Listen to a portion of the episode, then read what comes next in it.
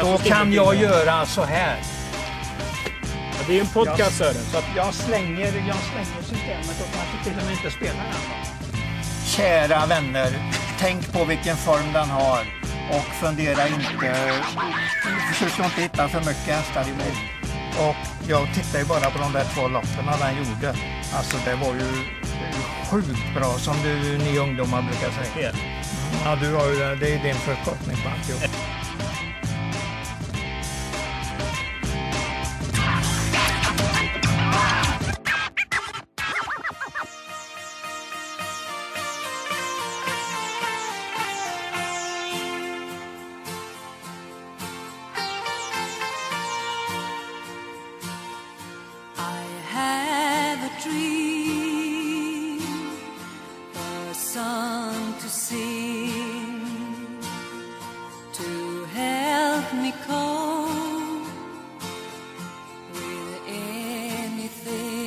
Hejsan på er och varmt välkomna till detta specialavsnitt av podcasten Travkött. Eller är det ett travkött? Vad vet jag? Jag vet att jag heter Kristoffer Jakobsson. I vanliga fall så brukar ni ju höra mig i de här kanalerna med Sören Englund. Men idag så har vi vandrat iväg lite. Eh, vad vore livet utan drömmar och visioner? Vi har en drömdag den 8 maj då Paralympiatravets final går, Kuston, konung Gustav Vs pokal går, drottning Silvias pokal bland annat. Vi kommer njuta av travsport i absoluta världsklass vill jag utlova. Och så här med några veckor kvar till dagen så vill jag prata om dagen och vilka hästar vi kanske får se. Med mig som gäst har jag Emil Persson från Sulkesport. Välkommen Emil! Tack så mycket! När jag ringde dig och sa att du, jag vill göra en podd där vi bara ska prata om roliga drömhästar till den här tävlingsdagen. Vad var din tanke då? Eh, att det var kul, en kul idé eh, och att det nog passar mig ganska bra får jag lov att säga. Jag, trots att jag ju inte liksom arbetar aktivt med hästar och så, så är jag väldigt intresserad av propositioner. Följa hela det spelet, vilka passar in där, vilka passar in här hur matchas den här hästen? Uh, ja, jag, jag, jag, har alltid tyckt att det där är spännande och fascinerande faktiskt och uh, ja, jag antog utmaningen med glädje. Och du följer ju även det svenska travet noggrant, men även travet eh, i Europa. Hur skulle du vilja säga att det har gått för våra travländer runt om under det senaste året med den pandemin vi har kämpat emot? Ja, det, det, har väl varit lite blandat får man väl säga. Frankrike hade det ju tufft initialt när man eh, stängde ner och, och, hade verksamhet som låg nere en period till och med. Eh, sen repade sig ju ganska så fort, så på de flesta ställen har det ju snurrat på eh, som det har gjort tidigare med några undantag. Nederländerna bland annat, där de har flyttat alla tävlingarna till, till Belgien, till Mons har man ju kört tävlingarna istället eh, på grund av de regler då som eh, som har varit eh, där som jag har uppfattat det. Men nu tror jag man är på väg att snurra igång igen faktiskt i Nederländerna så att ehm, ja, bortsett från det här med, med, med utebliven publik så börjar det likna något typ av europeiskt normalläge. Och konceptet är eh, relativt enkelt. Jag har bett Emil att eh, ta fram potentiella hästar som kan starta i respektive lopp under den här tävlingsdagen, alltså den 8 maj. Vi vet att det pågår en pandemi. Man ska vara restriktiv med sitt resande.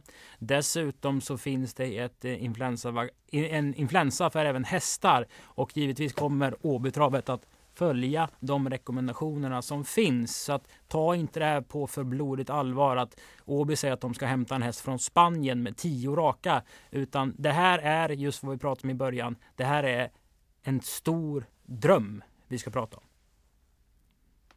Ja, men så ska man definitivt se det. Eh, jag har försökt att vara så eh, ligga, ligga så nära sanningen som möjligt, höll jag på att säga. Alltså försöka att landa i hästar som det ändå känns en rimlig möjlighet kan dyka upp i de här sammanhangen.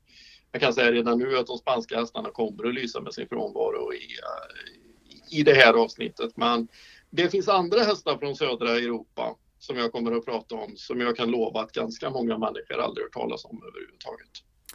Vi pratar södra Europa, vi pratar även kanske Norge och norra Sverige. Vi börjar med Soloslopp. Detta är ju ett kallblodslopp. Svenska och norska kallblodiga hästar. Lägst 350 000, tillägg 20 meter vid 1 miljon, tillägg 40 meter vid 1,7 miljoner. Jag läste Sulkesports avelsbilaga. Det var fokus på Fredrik Fransson som har ju fått en drömuppgift då han ska managera Odd Herakles under eh, våren och sommaren och kanske lite in på hösten eller vad det nu var. Det känns som i alla fall det är min drömmes i soloslopp. Delar den uppfattningen helt och hållet. Eh, det är givetvis den hästen man vill ha till det här loppet och det kan väl vara bra för honom också att få eh, starta från 40 meters tillägg att inte alltid behöva vara med där framme. Så nu är han otroligt pigg och glad för sin ålder. Eh, men jag tror att det skulle kunna vara bra för honom. Jag tror att det finns en viss chans att han dyker upp i loppet. Daniel Redén siktar säkert dit med Roleld också. Eh, han lär finnas representerad i övriga, eh, en del övriga lopp under tävlingsdagen också. Här tycker jag att det är kul att titta lite grann på startvolten. Mm -hmm. Vi har ju en surrhäst ifrån Norge. Alltså det är ju väldigt uppmärksammad så tillvida att han, den har tagit 29 raka segrar och alltjämt är obesegrad som heter Lesha Odin. Det är en åttaårig vallack. Den har i princip bara vardagsmatchats, det ska sägas, men den har aldrig förlorat. Den skulle stå på start. Det är Öystein Tjomsland. De hästarna vill man ju ha i ett sånt här lopp. Alltså det, det, det, är ju, det lyfter ju det hela jättemycket och blir mycket spekulationer. Det känns har... som en prestige sa kanske lite för Tjomsland också att vara den som bryter av det Herakles eh, segerrad om man inte startar och, och förlorar innan den 8 maj med, med en sån här häst, alltså en åttaårig häst som har matchats i lite enklare sammanhang. Det känns som Tjomsland verkligen hade satt kniven i den här uppgiften och försökt eh, sätta dit Odd Herakles. Han skulle säkert tycka det var jättekul, det tror jag också när de liksom väl bestämmer sig för att gå för det, då kan jag tycka då kan de lika gärna gå för det ordentligt istället för att liksom ta ut den i någon eh, när man liksom mellantuff uppgift eller vad man ska säga. Då kan de lika gärna gå för det. Torskar den då, ja då är det väl inte mer med det helt enkelt. Uh, den, den, hoppas jag på. Sen har Trond Andersen den här som heter Reimekungen som har fyra raka. Uh, den vann ett V86-lopp veckan faktiskt då när det var delad omgång med Sverige där. Uh, den startar nu på Biri på lördag igen. Den kan vinna det loppet och ändå stå kvar på start. Jag tror den skulle gå runt 22 alltså på, eh, på Då är inte den helt enkelt att fånga in så att hoppas den vinner nu och att den kan komma med fem raka då till ett sånt lopp. Mm. Spännande så. Det var alltså Solos lopp. Eh, om vi går vidare Emil så vill jag prata om klass 2 försöket. Det är alltså för eh, svenska hästar som max har tjänat 250 000 kronor. Loppet startar med voltstart och körs över 2140 meter. Det här meetinget ingår ju till eh, Solvallas eh, STL-finaler under Elitloppshelgen. Det är ju en omgång där alla vill vara med i. Ja, men så är det ju verkligen. Det är ju ingen tvekan om det och jag tycker att det är just det här loppet under den här eh, tävlingsdagen brukar kunna eh, bli väldigt bra. Och det är som så här, nu läste du lite grann som du trodde att det står i den här propositionen. Normalt mm. sett är ju klass 2 bara öppet för svenskfödda hästar. Men så är det inte i den här propositionen. Ser jag. Utan här får de utländska hästarna vara med. Och det har jag ju nyttjat i min drömvärld, det kan jag säga. Vad har vi för ekipage du är intresserad av? Eh, det, Flemming Jensen har en, en här som heter Frans Jäger. Alltså heter de Frans Jäger då vill man ju, alltså då, man blir ju liksom man vill ju ha en Jönssonligan-häst på V7 liksom. Så, så, så är det ju givetvis. Den är en fyraårig vallack efter Go Go Gaga som ju gör supersuccé. Eh, pappa till, till både Power och Hail Mary. Den har gjort två starter i Flemings regi, vunnit båda. Den vann på 15 och 4 full väg i Ålborg i måndags. Hinner ta en seger till i april här nu och liksom stärka upp poängen. Jag kan se Flemming testa en sån här uppgift för att liksom eh, toffa till den lite inför de årgångsloppen som finns sen också. Den är bra. Um, sen finns det en norskfödd fyraåring efter fader Patrick som heter Falcon Eye den har gjort sju starter, den har fyra segrar och tre andra platser så här långt. Den startar på lördag på Biri. Tål att vinna där och ändå kunna vara med i ett sånt här lopp. Det, det är Marius Höjtomt som tränar den och Erik givetvis som kör då. den tycker jag är, är, är, klart intressant alltså för ett sånt lopp. Skulle vara skitkul att se den där. Sen finns det, det finns några riktigt bra svenska hästar alltså i, i den här kategorin också. Är det någon du kan känna för direkt? Daniel Redén har ju två stycken eh, riktigt bra. Versace Pace har tre raka segrar. Sen har han en jänkare som heter Hilltop Hawk som har tre på åtta varav då eh, två stycken i följd. Han bör nästan ta chansen kan jag tycka och gå för det här loppet då när han får ha med en amerikansk häst i, eh, i sammanhanget också. Timo Nurmos har Melby Illusion som inlett med fyra på sex. Björn Goop Digital som vann på 13 och 2 på Solvalla i onsdags. Jag säger som så här, det enda egentligen som talar emot att det där ska bli ett ruskigt lopp, det är det faktum att det är voltstart. Det finns det ju de som drar sig lite grann för av olika anledningar. Eh, ja, det kan bli ett häftigt lopp. Mm. Spännande klass eh, 2-försök att vänta.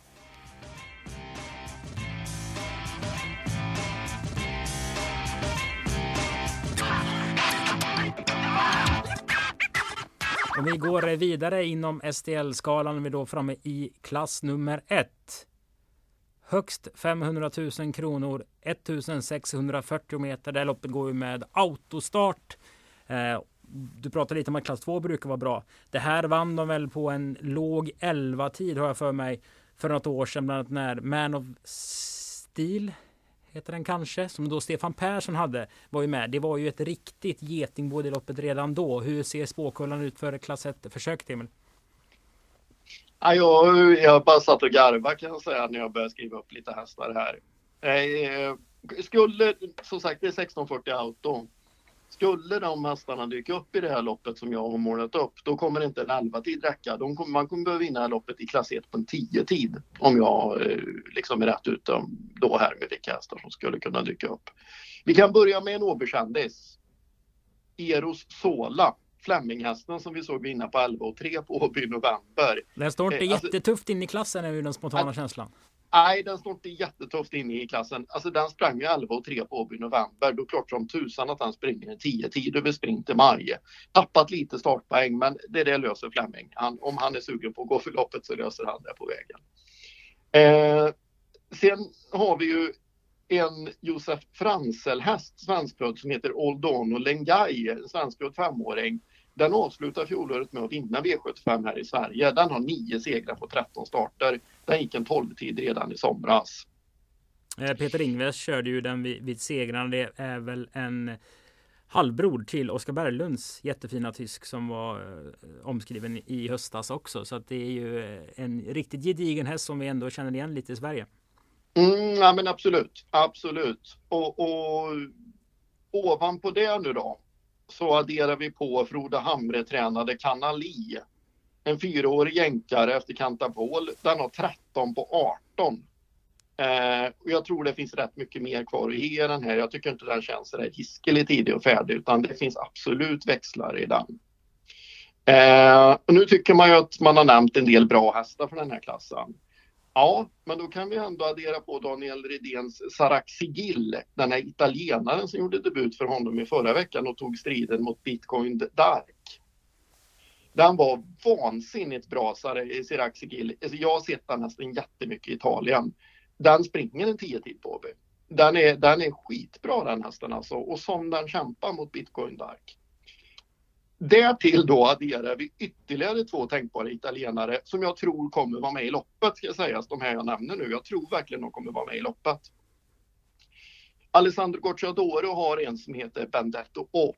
Det är en fyraåring efter Maggio d'Amore. Den har alltså nio segrar på 13 starter. Den har 12 och en rekord över sprint, det gick den i Pescara.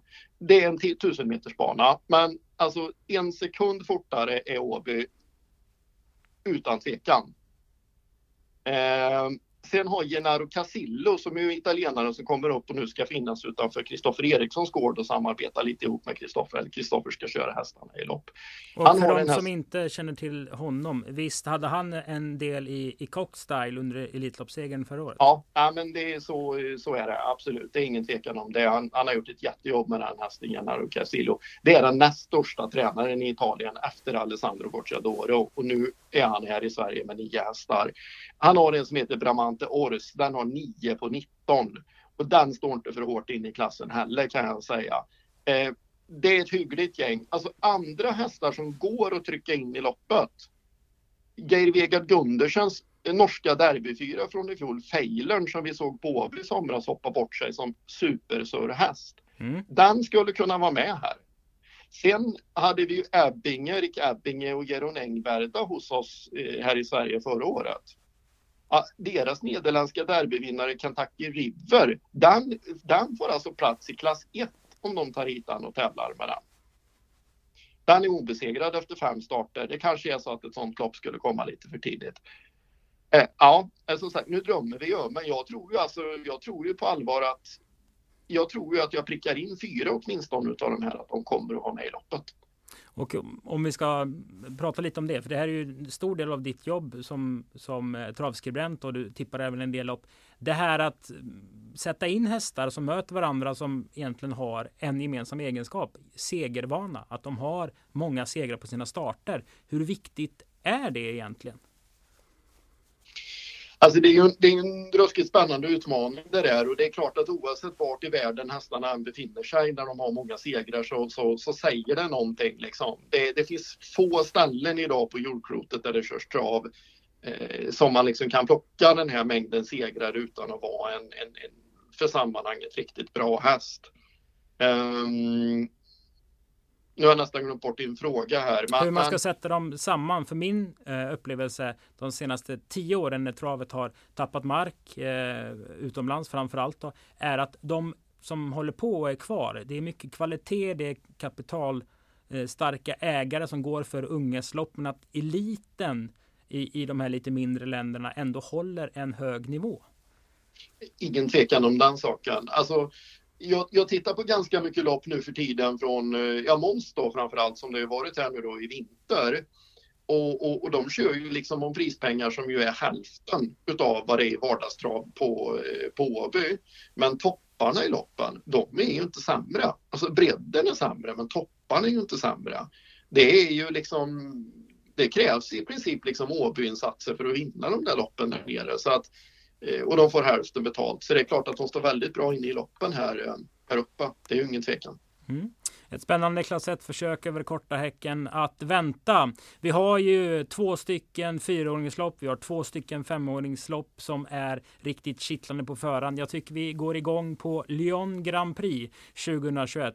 Det här är alltså ett eh, femåringslopp för hingstar och vallaker, lägst 200 000. Det är 2640 meter här kan ju det vara så att bägge startar i något annat lopp under dagen och kanske inte tillgängliga av den anledningen. Men drömmer vi så hade det ju varit kul att se Ecuride mot Hail Mary här. Mm. Jag köper det helt och hållet också. Jag har stoppat in en av dem i loppet på min lista och det är Hail Mary. Jag tror verkligen att han kommer att starta i det här loppet. Eh, det känns väldigt passande med 2 och 6 och så vidare. Eh, jag har stoppat in Ecuride i ett annat lopp här under tävlingsdagen så då får vi se vad det kan tänkas vara för något. Eh, skämt åsido, jättemöjlighet tycker jag att det bör vara att Hail Mary faktiskt är, är med här. Jag tycker också det ska vara en viss möjlighet att fjolårets norska derbyvinnare IGP är med i det här loppet. Och även tvåan, Golden Dream ME eh, från det loppet. Det är hästar som jag absolut kan se vara med. Ultion Face, Adrian Colginis häst som var derbyfinalist och bara en halv längd efter Hail Mary i British Crown-semifinalen i höstas. Den kan jag också se. Här har jag en riktig bubblare. Låt höra. Eh, en superjoker. Eh, det är så här, jag kommer lyfta fram en fransk tränad häst i Paralympiatravet sen, som Louis Badron tränar. Och då tänker jag att han samtidigt skulle kunna plocka med eh, en annan häst som heter Godfather en femårig vallack som har tre raka bakom sig ner från Kangsumer. Eh, det är samma ägare som till Elitloppsvinnaren Dijon. Den har inte gått några supermärkvärdiga tider den här men jag kan säga som så här, det är ju de som kommer att bli trötta fortare än vad den här blir i loppet om den är med. Det, det kan jag säga. Vem har kört Gadfar eller vilken kusk brukar Badron jobba med? Ja, det är lite, det är lite olika eh, vilka han jobbar med. Om du drömmer då? Vem kör? Ja, alltså grejen är ju den att den andra hästen som jag tänker att han, eh, att han ska kunna ha med. Eh, den körs av en, en, ganska okänd kille som heter Gwen Junod, tror jag han heter. Eh, som inte som sagt är eh, särskilt känd för den, den breda massan, men som vinner en hel del lopp i, i, eh, i, södra Frankrike. Eh, jag tycker det är roligt med sådana här nya kuskar. Det är jätteroligt att se dem. Ibland är de ju totalt bedrövliga rent taktiskt när de kommer hit och ska köra och så är det dubbla open stretch och så vidare. Så att, ja, men han kan väl komma hit och sätta färg på det. Han kan väl syna den där Hail Mary lite på utsidan. Och vi vet ju tidigare har ju det här loppet vunnit bland annat av Hanson Brad som gick då 1.11,7. Det var ju nytt världsrekord. Eller om det var tangerat världsrekord för femåringar över 2,6. Så det här brukar ju bli en klassig upplaga. Mm, ja, det, det, är definitivt, det är ingen tvekan om det. Uh, grymt roligt lopp, precis som det andra femringsloppet också kan tänkas bli under den här tävlingsdagen. Mm. Kanske Hail Mary i Lyon Grand Prix 2021. Vi drömmer vidare.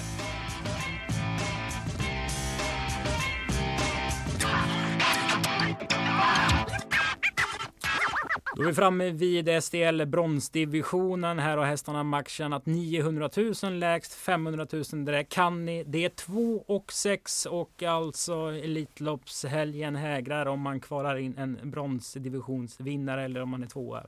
Det blir ju lite poäng och sånt bakom i meetinget. 2-6 bronsdivisionen, vad känner du för det här? ja, här har jag en rolig hästar. Eh, jag har ju en tanke här och det är ju att Reijo Liljendal ska gå bronsspåret med Admiral As. Eh, som ju på något mirakulöst vis fortfarande finns kvar i den här låga klassen. Eh, när jag tänkte på Admiral As tänkte jag att han hade kanske tjänat en och en halv miljon, men han liksom står kvar i brons.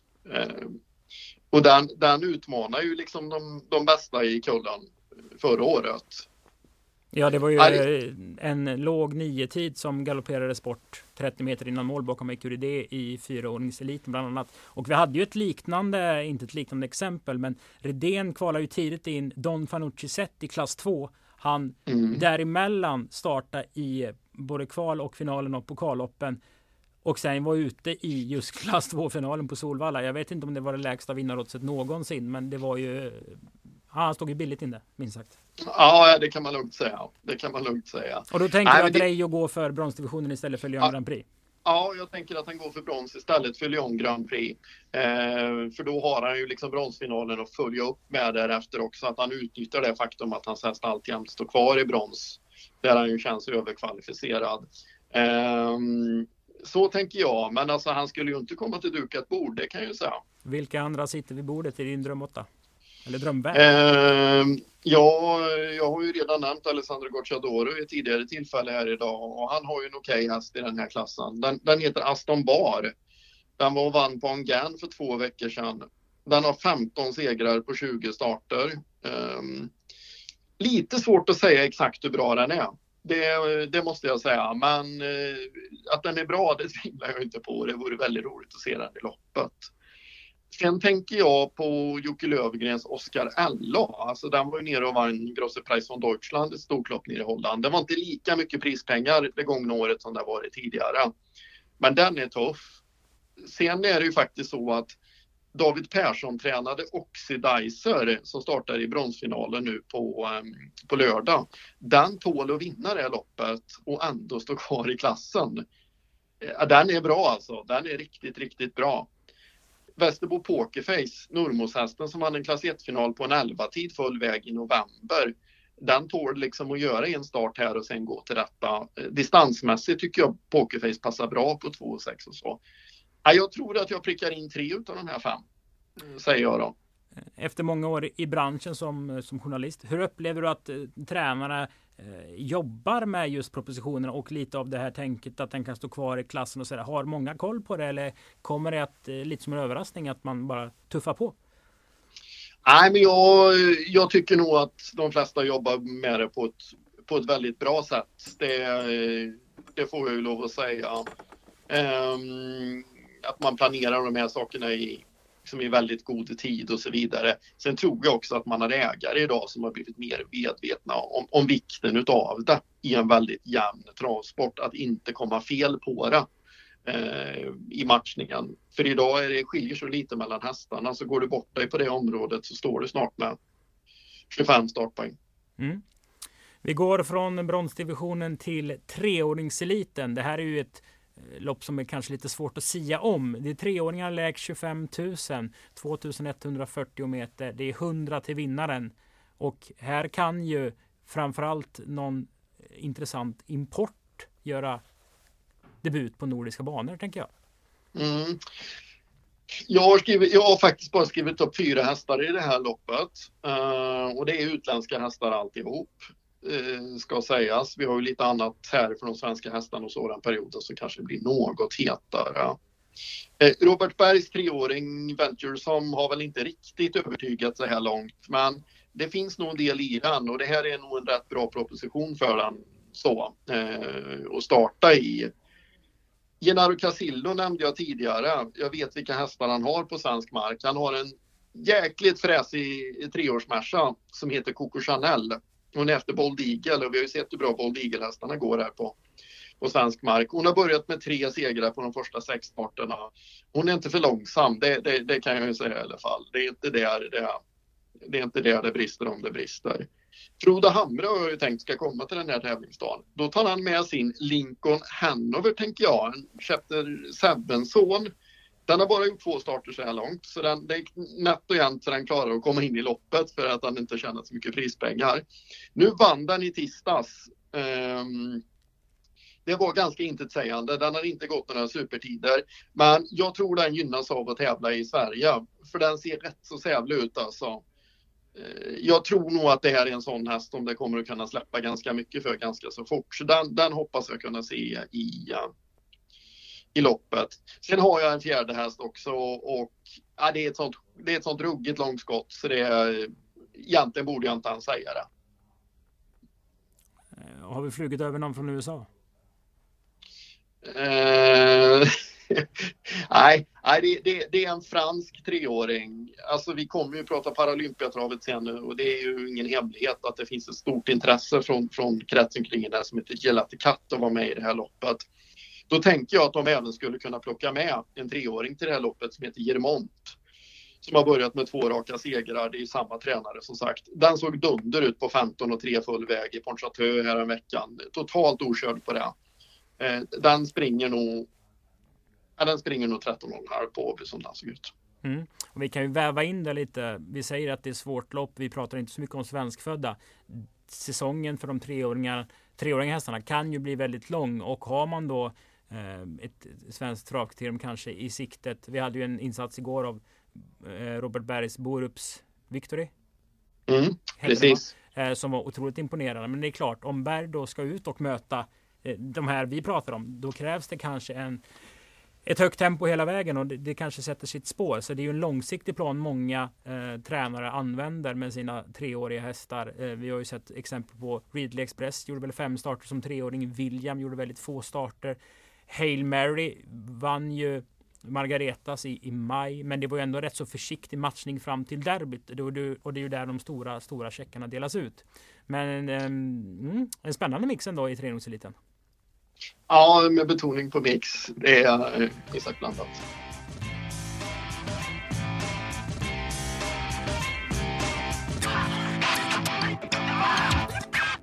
Då går vi vidare med SDL Silverdivisionen. 2 och 6 är det. De har matchtjänat 1,7 miljoner. Det här är ju hästarna som knackar på den yttersta eliten och gulddivisionen svenska silverdivisionen känns lite uns som vin uns som vatten. Ser man vissa meetings så tycker man att det är väldigt bra vinnare i, i det här gänget som kan ha stora möjligheter att eh, försörja sig bra i den högsta klassen. Och ibland så känns det som att de är lite trötta. Om du förstår vad jag mm. menar? Nej, men definitivt. Det har ju blivit Alltså vissa hästar tar det ju emot rätt rejält när man kommer dit. Det blir liksom ett steg att ta sig vidare från det sen. Sen är ju silverdivisionen också utformad på ett sånt vis att det är ju för hästar som har tjänat mellan 900 000 till 1,7 miljoner. Så man, man, kan ju bli kvar i silverdivisionen väldigt länge och det kan ju också skapa lite för, för oss andra vid sidan om en känsla utav att de känns lite trötta eftersom de liksom hamnar där under en lång period. Men som sagt, man har råd att tjäna 800 000 i silverdivisionen innan man tar, tar nästa steg. Kan jag tycka man ska ta lite i beaktning också. Vad drömmer du om här? Ja, jag är otroligt förtjust i Daniel Redéns By Victis Club. Nu hoppar ju han bort sig i årsdebuten i fredags, eh, ska ju säga. Så att, eh, Eh, det är ju lite frågetecken då hur det kommer att se ut för den här närmsta tiden framöver. Men den är ju, den är ju jättebra. Den vann ju sommartravets final i, i augusti och är ju en potentiell klassklättrare. Eh, superbra köpet av Daniel från Italien. Officer Steven kommer jag att tänka på i det här eh, sammanhanget också. Den tyska hästen som skrällband, tyska British Crown i, i, um, i höstas. Det är ett jätteodds. Den skulle ha startat i silverdivisionen en gång här under vintern men blev struken då. Se om man kan få i ordning på den hästen här igen och ta omtag här för den, den, den är bra. Den har en hög högsta nivå. En annan som har en helt okej högsta nivå det är ju Timo Nurmos Sesmic Wave. Han har ju varit med i silverdivisionen eh, tidigare och övertygat jättestort. Robert Berg och Vikens High Yield känns ju nästan som den är ur silver men det är den ju uppenbarligen inte eftersom jag nämnde den här. De möttes ju, ju i finalen om det var silver eller brons förra året. Det måste varit brons då antar jag. Eh, under Elitloppshelgen. Vikens High mm. Sesmic Way. Ja, de har ju blivit lite krigarkompisar. De har ju stått på varandra även efter det vill jag minnas någon gång under höstkanten här också. Så att, nej, det, det, är, det är en duo jag gärna ser här. Och som sagt, jag har ju placerat in Gocciadoro-hästar tidigare här under tävlingsdagen. Zanzibar Wise Ass har vi ju sett här uppe i Sverige här nu eh, tidigare år också. Nu har de fyra på de senaste fem. Det är ett sto ska sägas. Hon är relativt färsk i silver. Eh, men, men, jag tror att hon kommer att komma upp hit och tävla i, i vår och sommar. Och då ligger det ju nära till hands att gå för ett sånt här lopp. Känslan är ju att eh, de utländska hästarna har råd att stå lite sämre in, sämre in i propositionen också. För som vi pratade om tidigare, det är lägre prissummor. De kan vinna 20 lopp och tjäna 250 000 medan en svensk häst hade eh, tjänat betydligt mer pengar. Så att kommer de så kommer de och då spelar det ingen roll om man har en miljon på sig och taket är 1,7. Delar du den uppfattningen? Ja, definitivt. Dessutom är ju, som en eh, god vän sa till mig, hästar är inte läskunniga. Nej, precis. Eh, silverdivisionen eh, var det Emil jag tycker vi river av eh, hovet och det är inte låten eh, Barn om vår tid med hovet utan vi börjar med drottning Silvias pokal. Detta är ju eh, finalen vi pratar om. Försöken går ju den 23 april. Det är en fredag eh, som ni kan bänka er framför eh, era skärmar om det inte är så att det är publik den dagen. Det är drygt en månad bort. Och det här loppet har ju en miljon kronor till vinnaren. De fyraåriga stona snackar vi om. Här är ju min drömhäst klar. Det är ju Hypnotic AM. Um, ehm, och jag pratar ju rätt ofta med Marcus Melander och tyckte det lät som att hade det inte varit corona hade det varit väldigt kul att flyga över. Gå för drottning Silvia, gå för fyraåringsliten för ston under Elitloppshelgen och sen storsprinten på Halmstad. Sen flyga hem hästen och uh, kunna möta de äldre då. För det finns fyraåringslopp i USA men de flesta är ju öppna både för hingstar och vallacker. Så hon får i så fall till exempel kanske möta Amigo Volo i början av, mm. Eh, av sommaren och våren. Men vi pratar ju drömmar och det hade varit häftigt att se en, en sådan madam här. Ja, verkligen. Det hade varit en ruggig attraktion. Jag, jag har med henne på listan faktiskt. Jag, jag tyckte också att det kändes så jäkla kittlande när, när, när du nämnde detta. Ehm, och som sagt, vi, vi, vi drömmer. Vi låter henne stå kvar här på listan fundera ett varv till här Marcus, äh, säger vi. Vad finns det mer på Men, listan? Eagle Eye Cherry var ju drottningens, äh, kullens drottning säger man, äh, förra året. Och det får vi väl tro att hon snurrar ut här och gör ett försök. Jag tyckte mig se att hon var anmäld till eh, British Crown, British Crown uttagningarna i, i Örebro här nu om en dryg vecka. Så det ligger nog nära till hands att tro att hon kommer att vara med liksom i den här svängen redan i Drottning Silvias pokal här. Hon vann ju både också British Crown. Hon är ju skitbra. Eh, några hästar här då som är lite bubblare. Barbro Kronos har, har jag med på listan också. Hon vann ju långa E3-finalen i fjol och var trea också. Hon känns given. Eh, en spännande eh, häst hos Daniel Redén, Hanni Meras, som gick bra hos Peter Untersteiner förra året ska sägas. Var ju finalist i, i långa E3 bland annat. Hade lite stolpe ut i något lopp och sådär men övertygade stort i sina ljusaste stunder. Den tror jag ju kommer att, att vara bra. Uh, ingen tvekan om det. Robert Berg, de här, de här jänkarhästarna, de är så fruktansvärt svårbedömda. För det handlar ju så mycket om, liksom, finns fortfarande glöden i dem? Han har ju en ny här som heter 50 Cent Piece som ju har tävlat liksom bra i, i Nordamerika. Jag har med den på listan, men egentligen så är det bara liksom att, hur ska jag uttrycka saker? Jag vill att den ska vara bra. Man mm. vet ju aldrig riktigt med de här jänkarhästarna alltså. Eh, det handlar för mig så oerhört mycket om glöden finns kvar. Och vi har ju pratat om mer eller mindre svensktränade hästar och det kan vi ju säga från Åbys räkning. Det är svårt för oss att locka till oss eh, utländska deltagare när det liksom väl kommer till kritan. Eh, mm. I början av 2000-talet då hade vi ju Rotation eh, som flögs över från USA. Det var väl Harald Lunde som, som tränade den hästen. Hugo Langvägg eh, eh, visar ju upp fantastiska hästar i, i Kungapokalen något år. Men det har blivit svårare. Konkurrensen i Sverige är så hård och det är ju även mer utländska ägare som har häst i Sverige är, är känslan. Så att eh, tanken är ju såklart att det ska bli ett riktigt getingbo och det finns många hästar anmälda efter den sista insatsen till eh, både Kungapokalen och Drottning Silvias. Men det är svårt att locka hit dem. Ja, men jag förstår det. Jag tycker du sätter fingret på det bra. Konkurrensen är så jäkla hård här. Alltså vi, vi har så väldigt mycket bra travhästar. Vi importerar liksom, ja, kanske inte det är alltid det allra, allra bästa från USA. Och når vi inte det så når vi åtminstone liksom skiktet precis där under. Så att vi får in liksom nytt där material också som kommer till fyraåringssäsongen då som man vet om i Nederländerna eller Italien eller Frankrike eller vad det kan tänkas handla om då som Norge, eh, Danmark, att man får möta. Så att är det är tufft att komma hit i de här klasserna.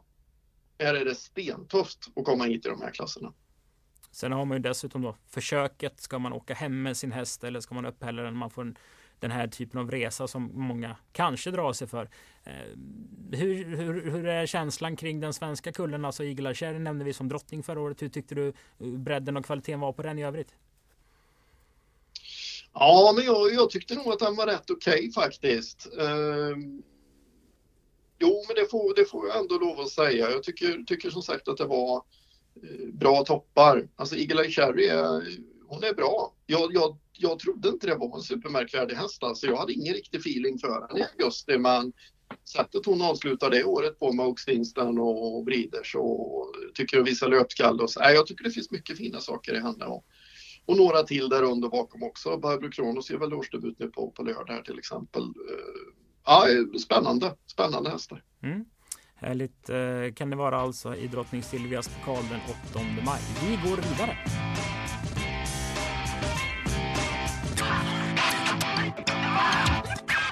Och det gör vi på det inslagna spåret. Vi ska prata ston, vi ska prata om Lovely Godivas minne. Eh, femåriga ston lägst 200 000, 2140, 250 000 till vinnaren. Detta är ett försök i eh, STL Stoeliten. Relativt nyinstiftat lopp. Det är ofta någonting man pratar om att det är svårt för dem de femåriga storna att, att hävda sig och det blir lite mer öppen konkurrens. Och det känns som det är ett eh, skönt startskott på säsongen, eh, Lovely Godievas lopp. Mm, absolut, det är, eh, är nog väldigt tacksamt för många aktiva att det här loppet existerar. Det finns ju några sådana här givna lopp på börja året i. Jag tänker på Folke Hjalmarssons då för femåriga ston på Färjestad påskhelgen och sen kan man gå hit efter det. Det är jättebra att de loppen finns. Eh, ni tar ert ansvar här. Kan tycka att det borde vara några andra banor som ska ta lite större ansvar eller rent av ST också i den här processen för de femåriga storna. Men eh, mm, vi fokuserar på, på det vi har, höll jag på att säga. Och här har ju Daniel Redén superspännande hästar. Han har ju en sinnes trio här verkligen. Diana Sett. Han har Milady Grace och han har Golden Tricks som kan starta i det här loppet. Eh, jag tror inte han skickar alla tre, men jag tror ju två av dem har alla möjligheter att vara med. Så det skulle jag ju nästan tippa på. Eh, Diana Zet såg vi ju vinna drottningens i fjol. Eh, då, eh, hon vann ju storchampionatet, så hon är ju, hon är ju knallbra. Här finns det ju några utländska hästar också. Du, jag nämnde förresten en svensk häst till innan. Jag skulle vilja se den här Iceland Falls som vann. Jag tilldömdes ju segern här nu då, i onsdags på Bergsåker. Jag skulle tycka det var skitkul att se den gå med på rulle i ett sånt lopp. Tände ju vansinnigt på barfotabalans här under fjolåret. Ja, den hoppas jag är med. Mm.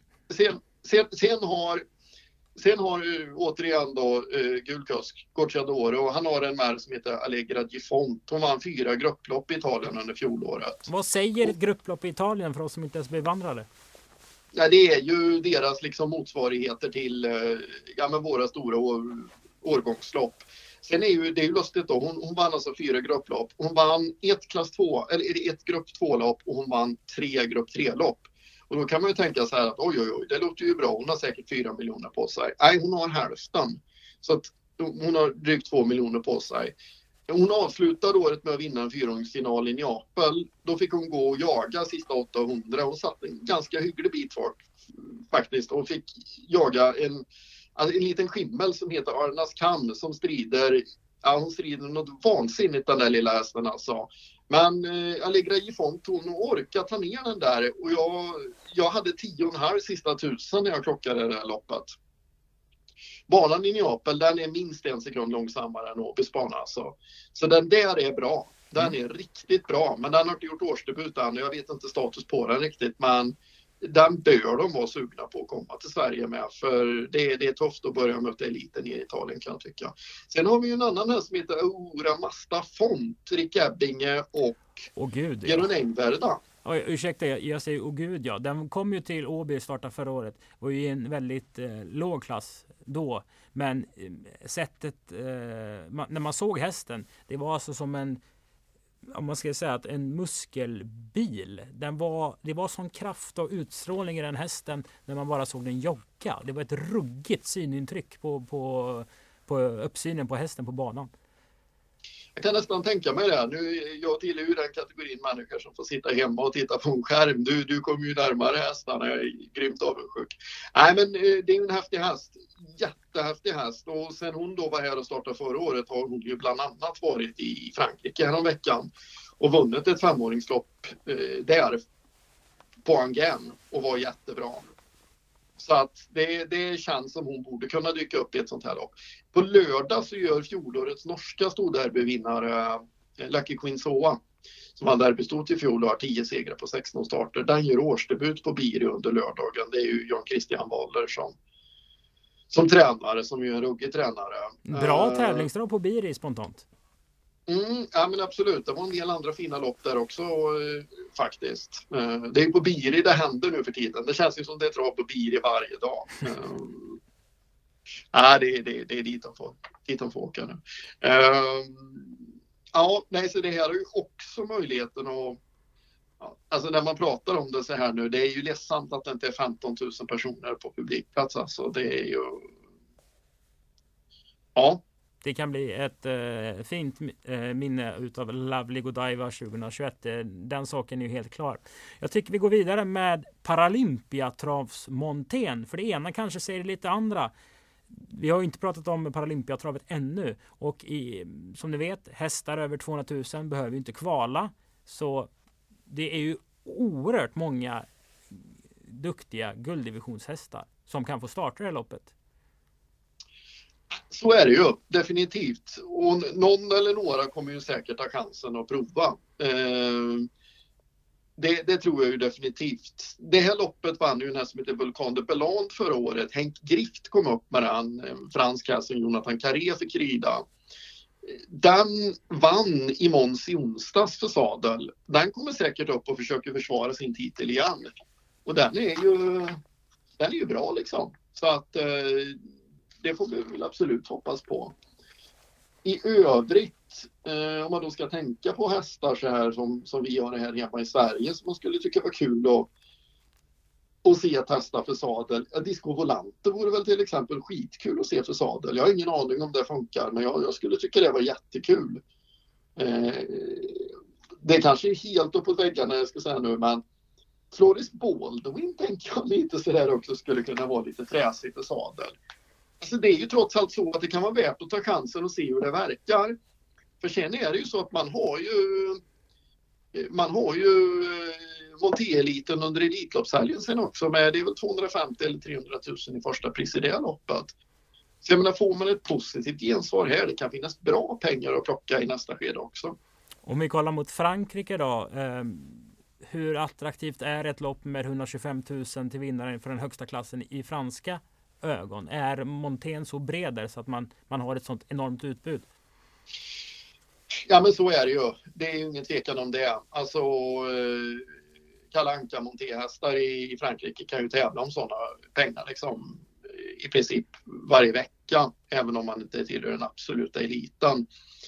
Eh, så det, det, ska man ju vara på det klara med. Det som gör att de kan vara sugna med att komma med någonting, ja men det kan ju vara om det är någon som eh, om det är någon häst liksom som i princip eh, får magont av att se uppförsbacken på Vincennes och som har tjänat 7 miljoner. Då är det inte så enkelt att hitta ett lopp på landsorten till en sån häst i, i sadel. Då kan man tycka att det är en kul grej att åka med den till Sverige och se om den kan få lite nytändning. Och man kanske har med någon annan häst och så vidare. Men här får man ju inte vara naiv liksom utan här, det blir lite vad det blir. Det är svårt för er som arrangör tror jag att hämta hit hästar. Om vi kollar eh, i Sverige så Rajers Face visar ju hög kapacitet under fjolåret i Non Monté. Sen var det Ultion som vann nere på Vincennes? Nej, det var det inte. Upstate. Face var det va? Eh, Adrian Colgjini tränar ju den hästen som vann ett Montello på Vincennes. Och eh, det finns ju många som ni hör U-hästar med, eh, med bra kapacitet. Så en, en Colgjini uppstickare i Paralympia Montén ser inte jag som helt omöjligt. Mm, upset, upset, upset face var det ja, precis. Jajamän, jajamän.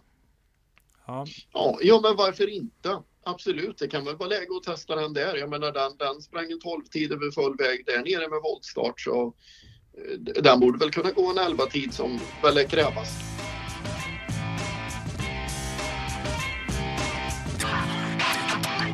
Och då är vi framme vid de två sista loppen vi ska snacka och vi börjar med Konung Gustav den femtes pokal.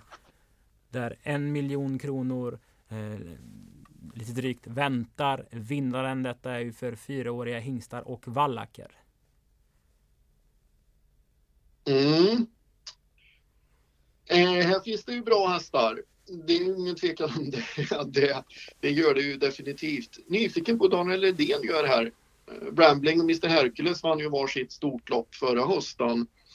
Jag gissar ju att han kommer att ha med en av de här i alla fall. Det är ju bara rent spekulativt från min sida. Jag tror inte båda kommer att vara med och gå för det. Men jag tror att en av dem kommer att vara med. Vi har ju eh. Goops Sandemotör som delägs mm. av Dan Renholm som bara har sitt kontor några hundra meter från oss. Jag tror han hade tyckt det varit otroligt roligt att eh, kämpa om konung Gustav Vs pokal som ägare i alla fall. Med den eh, fina pandemotörsonen han har. Ja, den är grymt fin. Den är grymt fin. Jag tycker det känns som ett bra lopp för den att gå för också. Eh, egentligen känns alla lopp som bra lopp för Sandmontör att gå för, för den är, det är en kanonhäst liksom. Så att, eh, ligger den rätt i förberedelserna och så, så, så både tror och hoppas jag ju att den Eh, är med och kvalar och tar sig till final. Men i Massel eh, lyfter ju undan för undan för Ejo Liljendal i fjol. Den gör årsdebut på lördag. Eh, tycker jag ju känns tidig. Elegant Ima, familjen Gundersens häst. Eh, som ju var riktigt i ropet en period i fjol. Lite svårt att säga vart den står just nu och ja, lite sådär avslutning kanske på fjolåret och på den. Um, eh, här, här är, har vi ju Robert Berg lite grann i fokus här. Han har ju flera hästar här som jag vet inte vad jag ska tro. Jag har ju sett de här hästarna med jänkarhästarna. Han har ju Rome Pace Off, en ny amerikanare. Den gick ju grymt som tvååring men fick ingen utväxling som treåring och nu är han hos honom. Och sen har han ju då en som heter Julia Trix Thrasher som ju tjänar över två miljoner och Åke Svanstedt i fjol då som, som treåring. Sen Den har vet han jag han är väldigt nöjd med. Jag kan Jula, tänka mig att det är en häst. Hästen. Ja, jag kan tänka mig att det är en häst som passar honom så när jag tänker på hur den ser ut. Eh, får han till den så eh, mm, det kan faktiskt bli riktigt bra. Sen har ju även Robert Berg då Revelation, Per Nordströms gamla uppföljningsloppsvinnare och han har Hedran som var femma i kriteriet i fjol. Så det, ja, det ska bli väldigt spännande att se här vad, vad Robert Berg skickar ut för någonting. Stefan Melander har ju en häst som heter Hollywood, eh, Hollywood Story dessutom som var femma i Hambletonian i fjol. Eh, som skulle kunna anmälas då till, till försöken där för den, eh, den är ju anmäld i pokalloppen. Så att, nej, det, är, det finns ingen, ingen tvekan om att det finns väldigt starka namn man kan lyfta. Är det någon du känner för som kommer lite och slagit lite under, gått under radarn, vunnit några lopp och kanske har 200-300 000 på sig och inte riktigt mött kulleliten i årets upplaga av Kungapokalen? Eh, jag skickar vidare den frågan till Daniel Redén och Timon Örmås. Mm. Nej, skämt åsido. Nej, men de, har ju, de kommer ju dyka upp med någon sån där. Och det känns lite som Tarzan har någon som exploderar i de här loppen också. Som, som man liksom så här, var kom det ifrån? Som man inte har trott på i lunchloppen på fredagar på Solvalla liksom. Så är det någon skoryck där och uh, ja, jag har alltid tränat jättebra och väntat på den här, den där. Ja, nej. Något kommer dyka upp. De vet ju när det gäller. Ja, de vet när det gäller. Ingen mm. tvekan om det.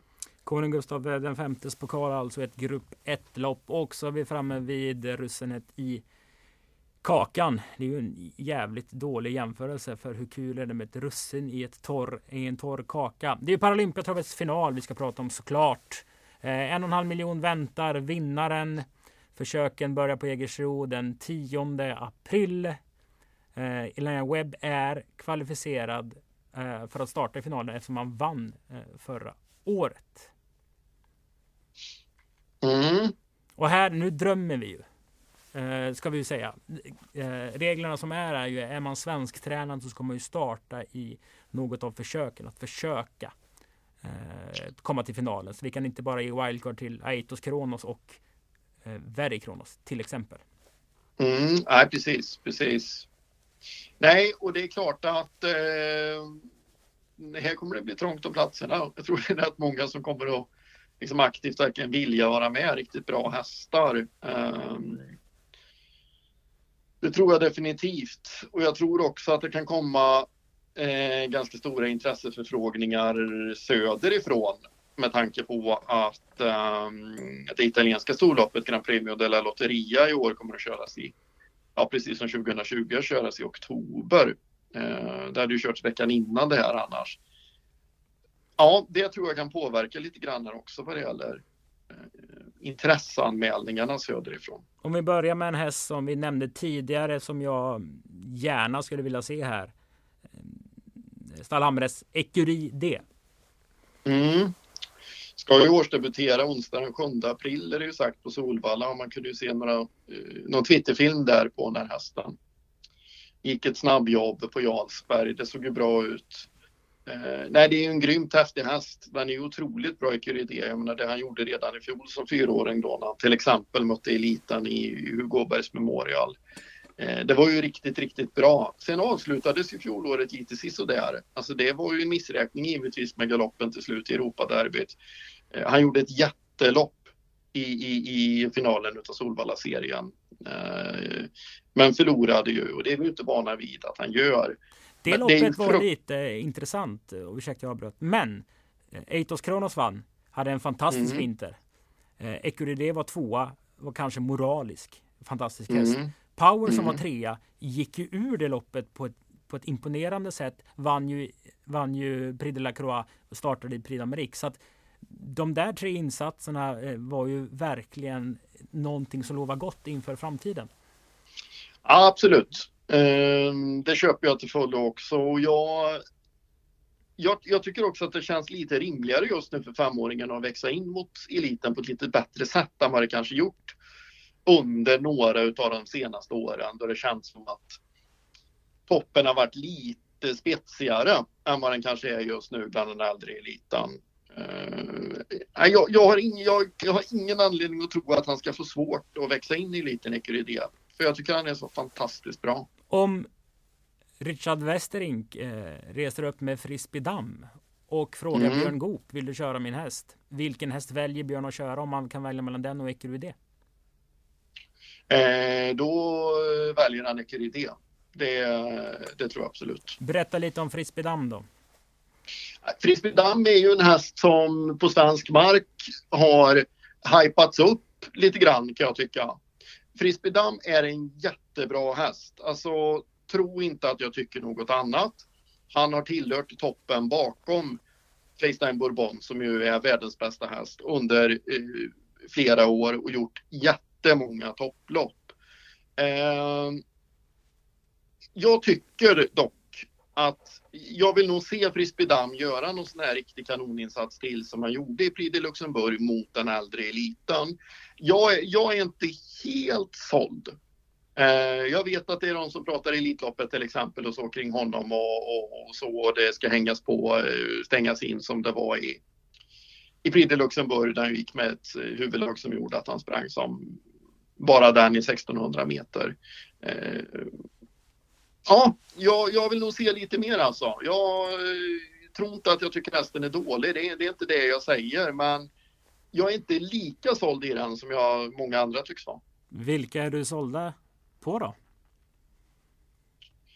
Eh, pratar, vi fran, pratar vi franska hästar så är jag ju grymt såld i den här Gelati Katt och det är, det är ju inte bara den här vintern jag har blivit det utan det var ju i princip liksom hela fyraåringssäsongen och det sättet de jobbade med hästen på att de varvade starten på Vincennes med att åka till Italien några gånger och starta på 1000 meters bana. Körde ganska snällt där. Han satt fast i något topp och sådär mot riktigt bra hästar. Eh, fick ju utdelning senare under, eh, under vintern i Frankrike också, och tjänade bra pengar då. Ja, den, den är en perfekt häst för, för svenska förutsättningar. Den, den är jättebra i Katt och de verkar ju vara väldigt sugna på att komma. Vem brukar köra? Gabriele Gallomini brukar köra. Eh, alltså den är ju tveklöst så pass bra så jag kan se den vara tre, bland de tre främsta i ett Paralympiatravsfinal. Det är det absolut alltså. Om vi fortsätter på din drömlista, hur ser den ut? Vi kan väl vara de franska första, för jag har faktiskt tre fransktränade hästar med i loppet. Eh, Superjoker. Ecuryl Jenny Lou det känner jag igen, ja. tänkte jag säga. ja, alltså det är ju sån här som har dykt upp i lite rubriker här på senare tid nu, uh, först på allvar. Det är en sjuårig vallack. Alltså inför loppen, han ser, han ser ungefär lika sugen ut som min hund gör när han kliver upp där vid halv sex-tiden på morgonen och sträcker ut. Ungefär så ser han ut innan loppen. Nu, det säger ju inte så mycket för alla, men det, det ser han ser rätt trött ut, eh, så kan jag säga. Men sen när det är lopp alltså, han tar sig samman på ett jäkla sätt den här hästen och krigar. Eh, den har tävlat nere i södra Frankrike, i Kanxermer här i vinter. Den vann på 12 och 4 över 2900 meter i senaste starten. Ruskigt löphuvud. Verkar gilla platta banor. Känns som det är mycket löpglädje kvar i hästen. Svårt att säga riktigt hur bra den är. Sådana här hästar tycker jag är skitkul. Stoppa in dem. Det är ingen, det är ingen som har en aning om om den här duger eller inte. Jag har inte en aning. Men jag tycker att det är hur kul som helst att spekulera. Mm. Ja, Tränas av Louis, Bad Louis Badron som, som jag nämnde tidigare också. Sen har jag med också Sobel Conway på den här listan. Eh, ja, eh, den har ju gått ruskigt bra hos Jean-Michel Basir. Eh, jag skulle tycka att det vore spännande att se den i det här loppet och så skulle gärna hans son Nikola Basil få köra den. Eh, göra liksom lite i Skandinavien debut i stora sammanhang här. Eh, alltså Belconway är jättebra alltså. Han har tagit den i en, eh, två klasser till. Spontant känns det som en, en kul dialog mellan Karel Läderkorp, jag vet inte om han, äger väl del eller om det är hela, när Kari och Basir pratar. Nej, det, jag... det känns som två, eh, inte motpoler, men det känns som ett dynamiskt samtal minst sagt. Ja, nej men definitivt. Det hade man gärna överhört. Det, det kan jag hålla med om. Ja, det var vaket att skicka den dit, för jäklar vad den har gått alltså. Mm. Franska uh, har vi nämnt. Mm. Har ju en till, har, har ju en till som tävlat på fransk mark här i vinter och det är ju Thomas Malmqvist Empire som ju bara är fem år gammal. Den var ju storfavorit i danska derbyt i fjol och hoppade ju bort sig där då. Har ju plockat igen pengar så det stått härliga till eh, efter det. Har ju gått jättebra i Frankrike i, eh, i vinter. Ja, jag skulle tycka det var väldigt roligt att se den här. Jag har svårt att säga hur Malmqvist skulle ställa sig till det. Men jag skulle tycka det var jätteroligt att se den här. Sen tror jag Verry Kronos kommer att vinna försöket på Bergsåker. Jag menar, han var ju hur bra som helst i, i, i höstas med SM-segern och så vidare. Så den, den känns ju verkligen som att man vill ha in i det här loppet. Och jag tror som sagt han kvalar in via Bergsåker. Eitos eh, Kronos? Mm, den är med på listan här också. Eh, en redan hade jag bestämt mig för att jag verkligen ville ha med. Och jag tror att det blir Eitos Kronos som kommer att vara med. Eh, och han är bra. Han är ju jättebra, det är ju ingen tvekan om det. Det har vi ju sett så många gånger nu. Eh, han kommer klara sig direkt mot de bästa. Ja, jag tycker han har alla egenskaper för det. Ja. Eh, Jerry Redan är ju ruskigt duktig alltså. Eh, känns ju som han, han, han är väldigt bra på att jobba med bra hästar. Jerry Redan. Det finns det flera som är, men det är en av många goda egenskaper han har som travtränare. Eh, Ja, jag drar dem. Jag, har, jag drar den sista här också. Double exposure ser jag gärna är med. Eh, hon har inte gjort årsdebut än. Jag har noll koll på dagsstatusen. Men en Ridénhäst lär vara med. Det tippar jag på och jag, jag, tror att det kan bli hon. Sen tror jag Cyber Lane kommer att vinna årsdebuten på Jägersro den 10 april i första försöket och ta vägen in eh, där. Eh, han avslutade ju faktiskt, han kändes ju bättre än någonsin i höstas, Cyber Lane, så att han är ju dessutom liksom en attraktion som det känns just nu.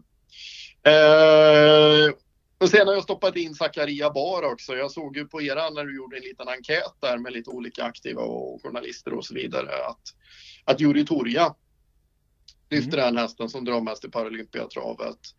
Eh, det är ju en Ready Cash-häst där. Jag tror den är ganska okänd den är för rätt många i Sverige, men den vann grupp 1-lopp redan som treåring eh, på italiensk mark. Den var tvåa i grupp 1-lopp i höstas i Italien.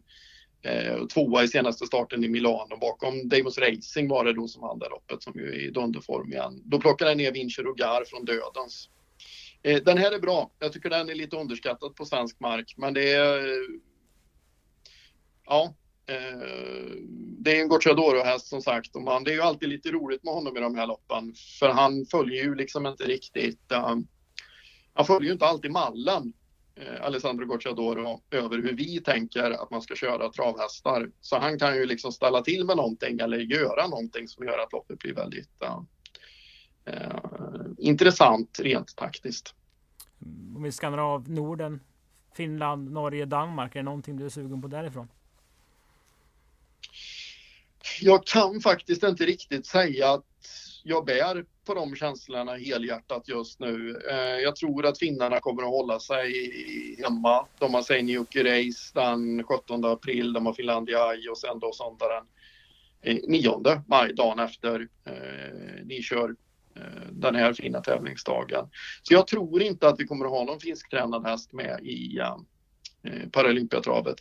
Nu har inte jag med Liam Webb här på de här tio, det ska sägas. Så någon får jag skicka ut då, för de har ju platsen om de om de vill. Mm. Ehm, mm. Katja Melko är Solvalla tränare numera så att mm. Det kan bli en, en härlig upplaga minst sagt. Ja, absolut. Ekeril Jenny Lo dyker upp från ingenstans. Uh, Gwen Junod. Ja, ja, nej, det, det, det är väl långsökt. Det är väl långsökt, men uh, ja. Kul, kul, kul trisslott säger jag. Mm.